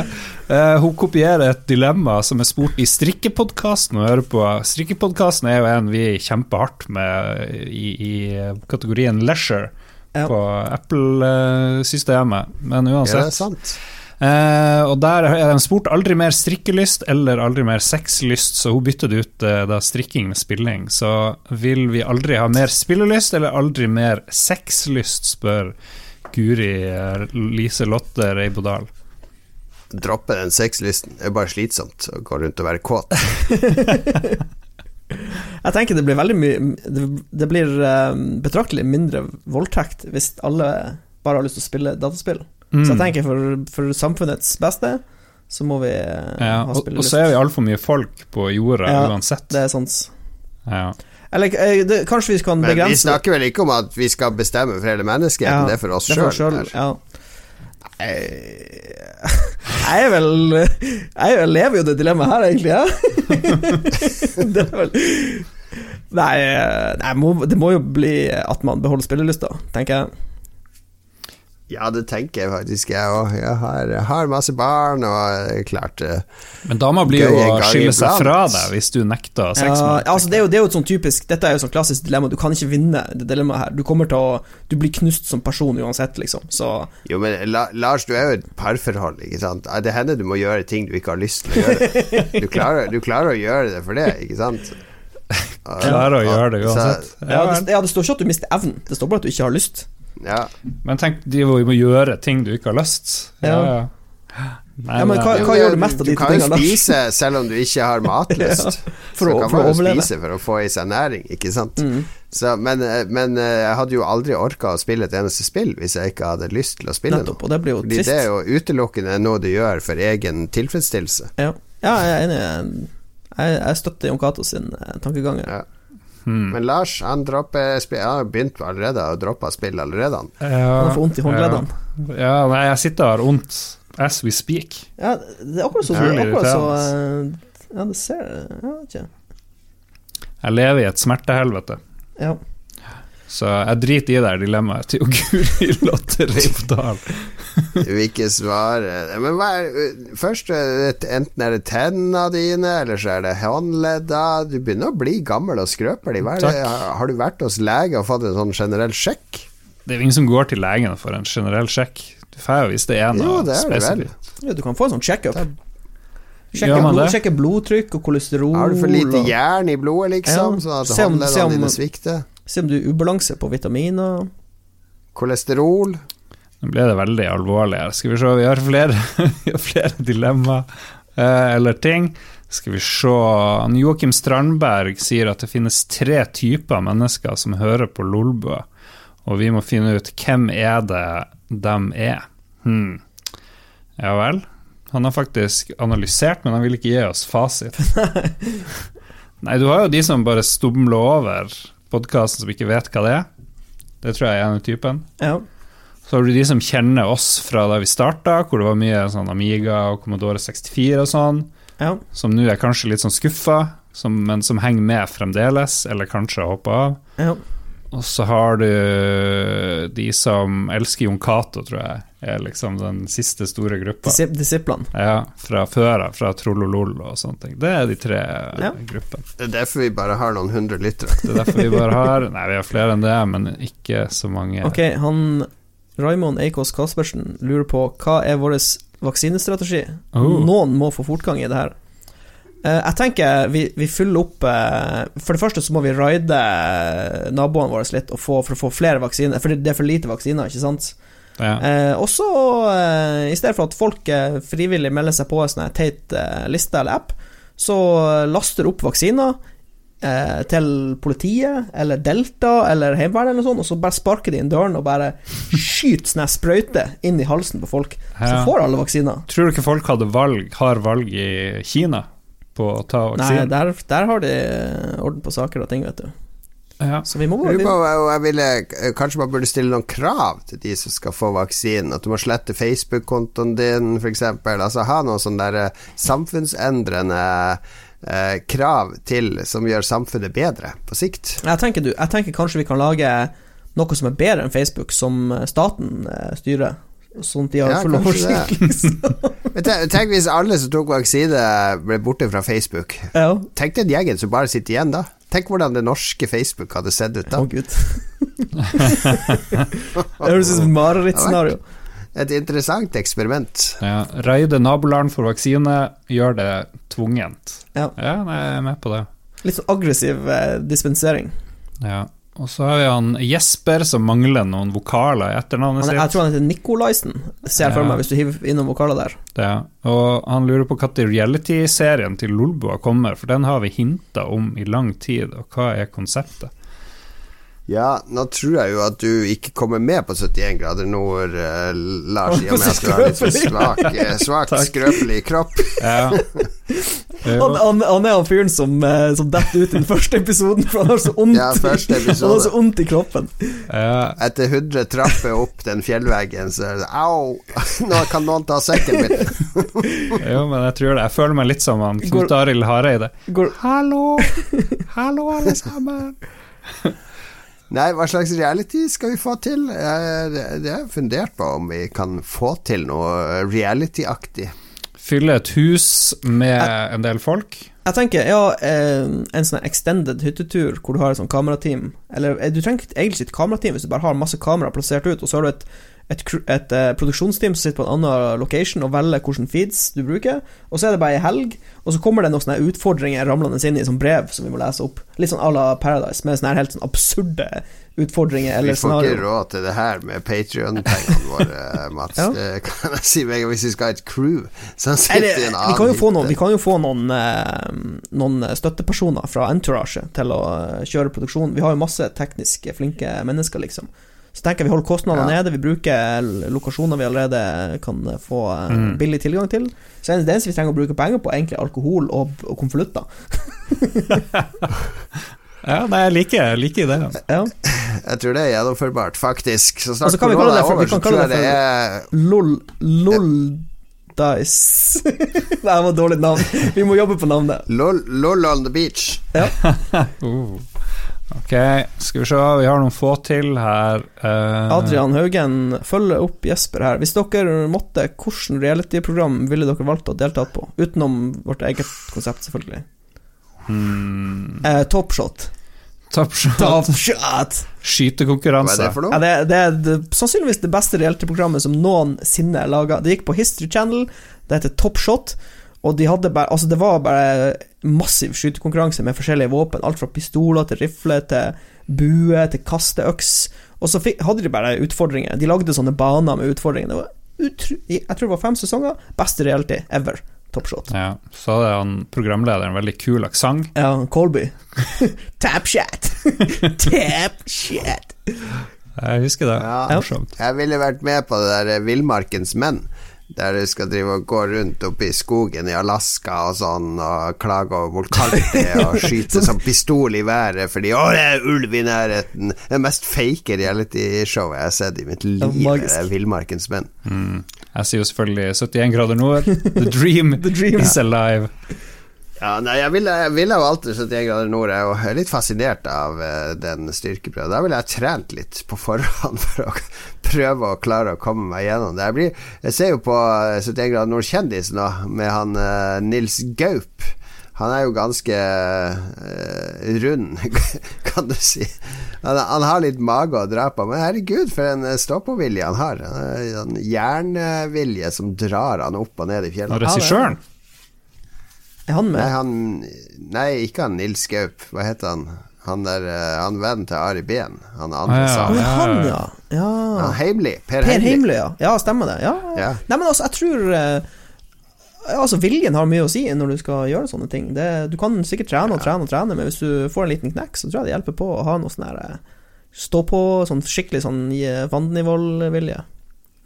vannivåvilje. Eh, André Volla lurer på om uh, dyna er fremdeles uh, i studio. Ja, confirmed. Den henger fortsatt oppå det tørkestativet.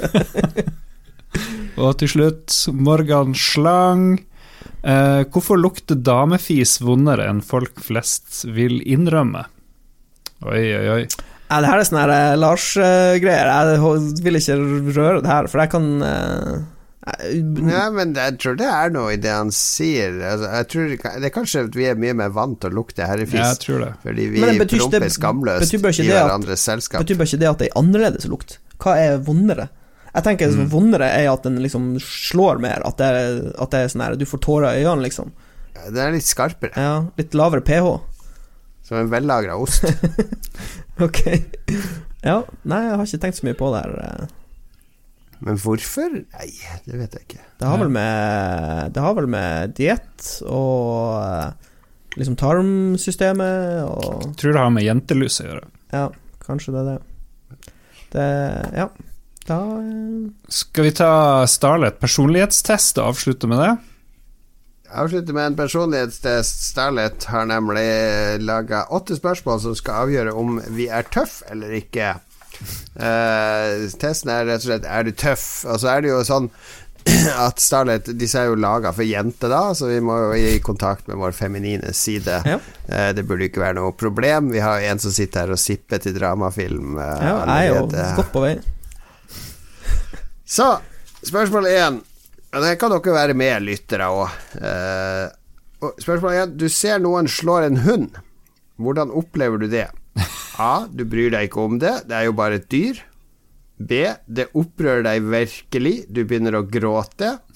C. Du syns det er ekkelt og snur deg vekk. D. Du syns synd på hund, men skjønner at eieren er nødt til å straffe den. Eh, Hva slags psykopat ja, har lagd det her? Er dette et sånn sosiopattest? Men hvor, Det her er for, for 30 år siden. 32 år Jeg savner alternativet som er du går bort og sier til personen Hei, det der er ikke ok, du kan ikke slå hunden din. Ja, jeg vil òg ha Ja. den. Det er det jeg ville gjort. Jeg tror ser er det som er nærmest der, at du syns det er ekkelt og snur deg vekk. Men uh, vi må velge det, da. Ja. For, Ja. Fordi to av de andre er at du bryr deg ikke så mye om Ja, det, det- og det tredje er at du begynner å grine. Starlet, altså. Ok Det var veldig rar, Veldig merkelig scenario. Eller rare svar. I gamle dager var det jo sånn at dyr var dyr, ikke sant? Eh, Den kristne læren sier oss jo at menneskene er her for å trampe og herske på dyrene. Ja.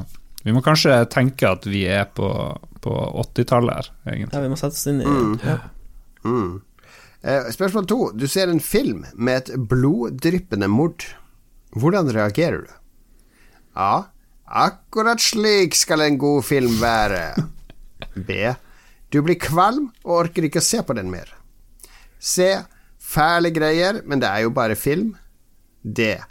Ekkelt med alt blodet, men snart er det glemt.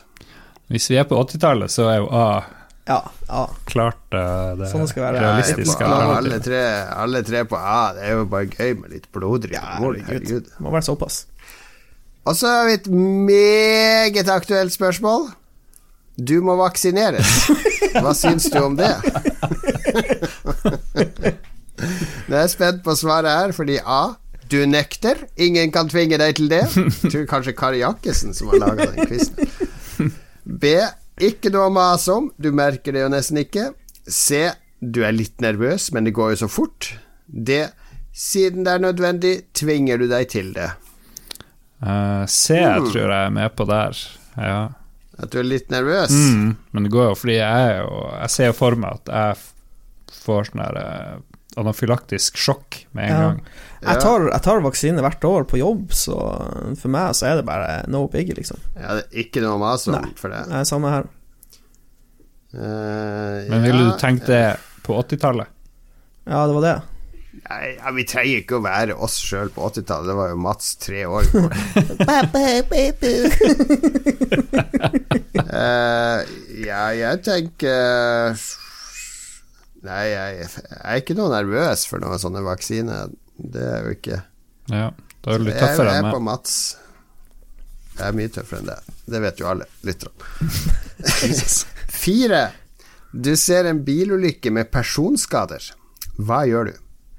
A. Holder deg for øynene og snur deg vekk. Jesus. B.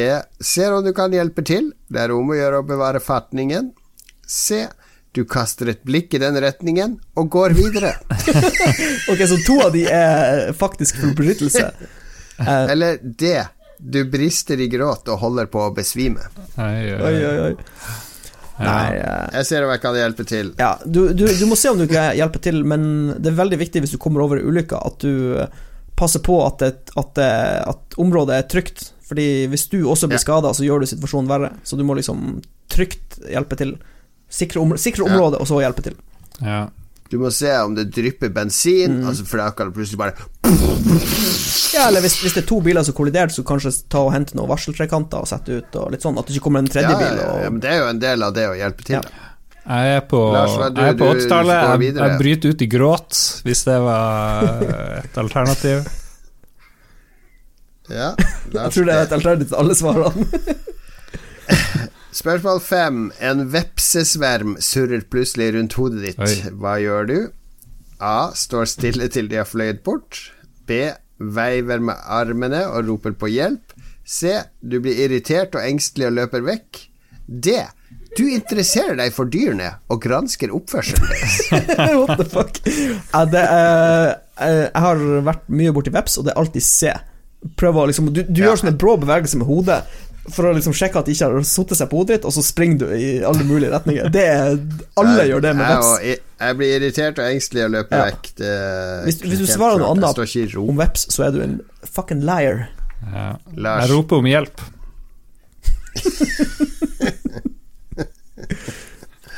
Det er bra. Nå bidrar du. Det er et bra bidrag til podkasten, Lars. Ja, jeg prøver, prøver mitt beste. Eh, oppgave seks. Du har hatt mareritt og bråvåkner. Mm. Hvordan opplever du det? A. Du er hysterisk og vekker straks noen i familien. Yes. B.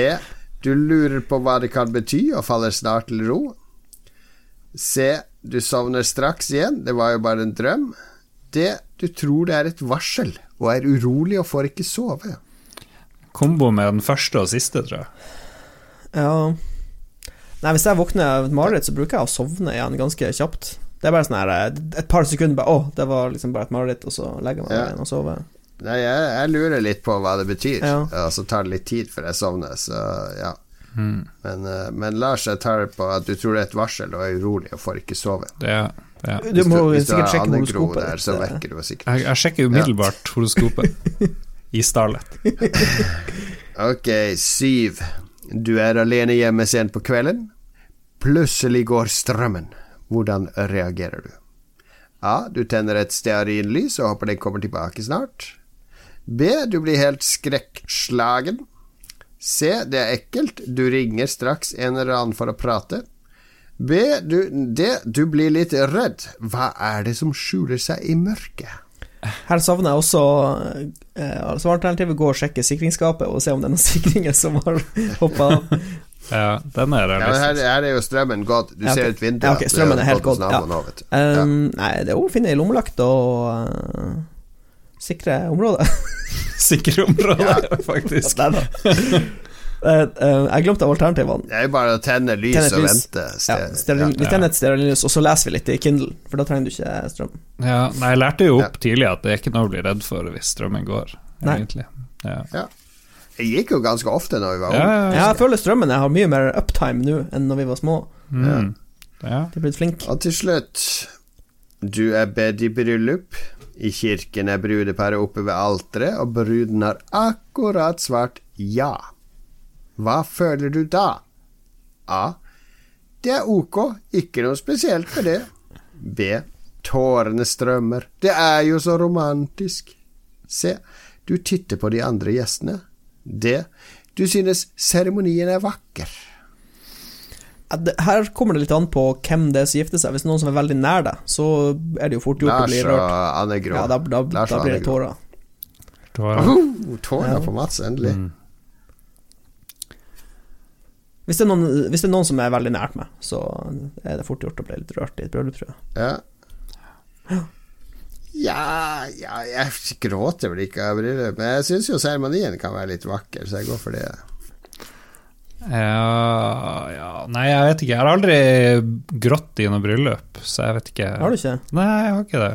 Hvor mange bryllup har du vært i? Jeg har ikke vært i så mange bryllup. Ja, ok. Broren din har liksom ikke gifta seg, og du har vært Nei. Det var i mitt bryllup. Du ble jo våt nok i mitt bryllup. Hva gjør du? Du tar av deg brillene, finner dem ikke igjen, og kaster deg ut i vannet. Åpen ball. Ja, ja. Jeg, Lars, jeg tror, du er sånn som kikker mer på de andre gjestene Studerer dem. og smiler. ja jeg gjør det. Ja. Ja. Godt, Ja. godt lest. Ok, da blir det resultat her. Skal vi sjå Uff, Og så er det selvfølgelig sånn eh, helsikes tabell. Eh, uh, skal vi se, det var bare C der, og så var det A Vi får snakke der. mellom oss sjøl Ja. mens Jon Cato regner. Hva du, hva du tror Lars? Hva jeg tror hvem er tøffest der? Jeg vet ikke. Jeg blir å havne nederst. Jeg tror du er Tenker langt nede nå. Lite tøff. Ja. Men du hadde noe gråting. Jeg hadde òg gråting, vet du, så Ja. jeg tror ikke jeg scorer så høyt heller på tøffhetsskalaen. Mm. Ja, nei, jeg vet ikke. I, I don't I don't care. Hadde du hørt på eh, Likos univers, du, da? Nei, jeg har ikke fått gjort det. Jeg har egentlig De siste seks dagene mine har vært eh, PC-helvete. Jeg har bare Ja. feilsøking og bytte ut deler og ja, vente på at ting skal komme i posten og sånn. Litt sånn eh, lett, lett depresjon. Ja. Og så, men så gikk depresjonen over, så var det sånn Ja, ja, det, det, det er sånn som skjer. Oh. Ja, jeg kan si det er tre rater her, som meg og deg, Mats, vi havna midt i. Det var ingen som ble megatøff Ja, okay. her. uh, men det kommer jo av uh, slå bikkje og litt så, sånne ting. uh, absurde ting eh, som liksom skal være tøft. Ja, og like det er jo en psykopattest, det her. Ja, det er jo det. Hvor Ja, psykopat er du? Men meg og Mats vi har evnen til å stålsette oss og ikke la følelsene ta overhånd. Eh, vi ser realistisk på det meste, men lar av og til mykheten råde på visse områder. Fornuften og eh, vårt gode omdømme er sterke sider ved vår karakter. Og vi kan komme til å kalle de følsomme sveklinger. Og, Ok. eh, Litt psykopat. ja. Vi er stabile og har lett for å få venner. Wow. Oh, ja. ja. Hm. Så bra. Og så har vi Lars, da. Som Ingenting er deg mer fremmed enn tøffhet. Du er myk og følsom og blir lei deg når noe trist skjer. Vold er det verste du vet. Du er svært romantisk, og det hender at tårene flommer når du er på kino. Men mykhet er ikke noe å skamme seg over, snarere tvert imot. Sørg for at vennene dine setter pris på deg akkurat som du er. Du har sans for det vakre. Ja, nei, jeg Det høres kjenner ut som meg Lars. igjen. Ja, Ja, ja. ja, veldig bra test. Ja. Spot on, vil jeg si. Men dere syns jeg er svak der? der. Ja, du er jo litt svak, Lars. Ja. Vi har snakka om håndleddene dine flere ganger i dag. Du er jo You're weak. Åh. All right. Det var en god investering å bruke noen hundre kroner av uh, Patrion-pengene på en, en eske med Starlet. Masse flere tester her, og brevvenner vi kan finne. Ja. Ja, det var det artigste å finne Ja, ut. ja. De som har skrevet brev, og hva gjør de nå? Men det gjorde gjorde vel på Roffelbua, tror jeg kanskje. Ja, vi Light det. doxing. For det står jo fullt navn og adresse på, på mange, mange folk her. Det var før, før internett var en ting. Ja, Det var ikke så ja, ja, skummelt å gi ut eh, fullt navn da. Eh, Hvem er det vi skal takke? Ja, vi må takke alle som er patrients, alle som lytter, selvfølgelig, takker vi jo òg. Og så takker vi ekstra mye produsentene, og der har vi TTMXMP, Kobrakar84, Dyke Jarlsberg, Anne Bett, Jarle Pedersen, Stian Skjerven og Thomas Holmis Holmedal. Og vi hyller og saluterer dem, det er en del, nå er det en del uh, chatting i produsentkanalen på Ja. Discord, faktisk. Ja, og generelt takk til de som eh, er på discorden vår og snakker litt der. Det er blitt, eh, ganske bra der, vil jeg Mm. Vi snakker om film og spill og bøker og musikk. Veldig Ja. mye, mye musikkprat, faktisk. Dere finner lenke til discorden på lolbua.no. Bli med på discorden. Yeah. Livet er en fest. Livet er en fest. Mm. Har du noen avsluttende meldinger, Jon Cato? Eh, ja, men mannen var inne hos eh, sjefen eh, for å be om lønnspålegg. Ok, siden jeg tydeligvis ikke kan få høyere lønn, så får jeg heller nøye meg med å få den litt oftere, da. Heyo! Den var god. Den, den skal jeg dra for, for sjefen i morgen.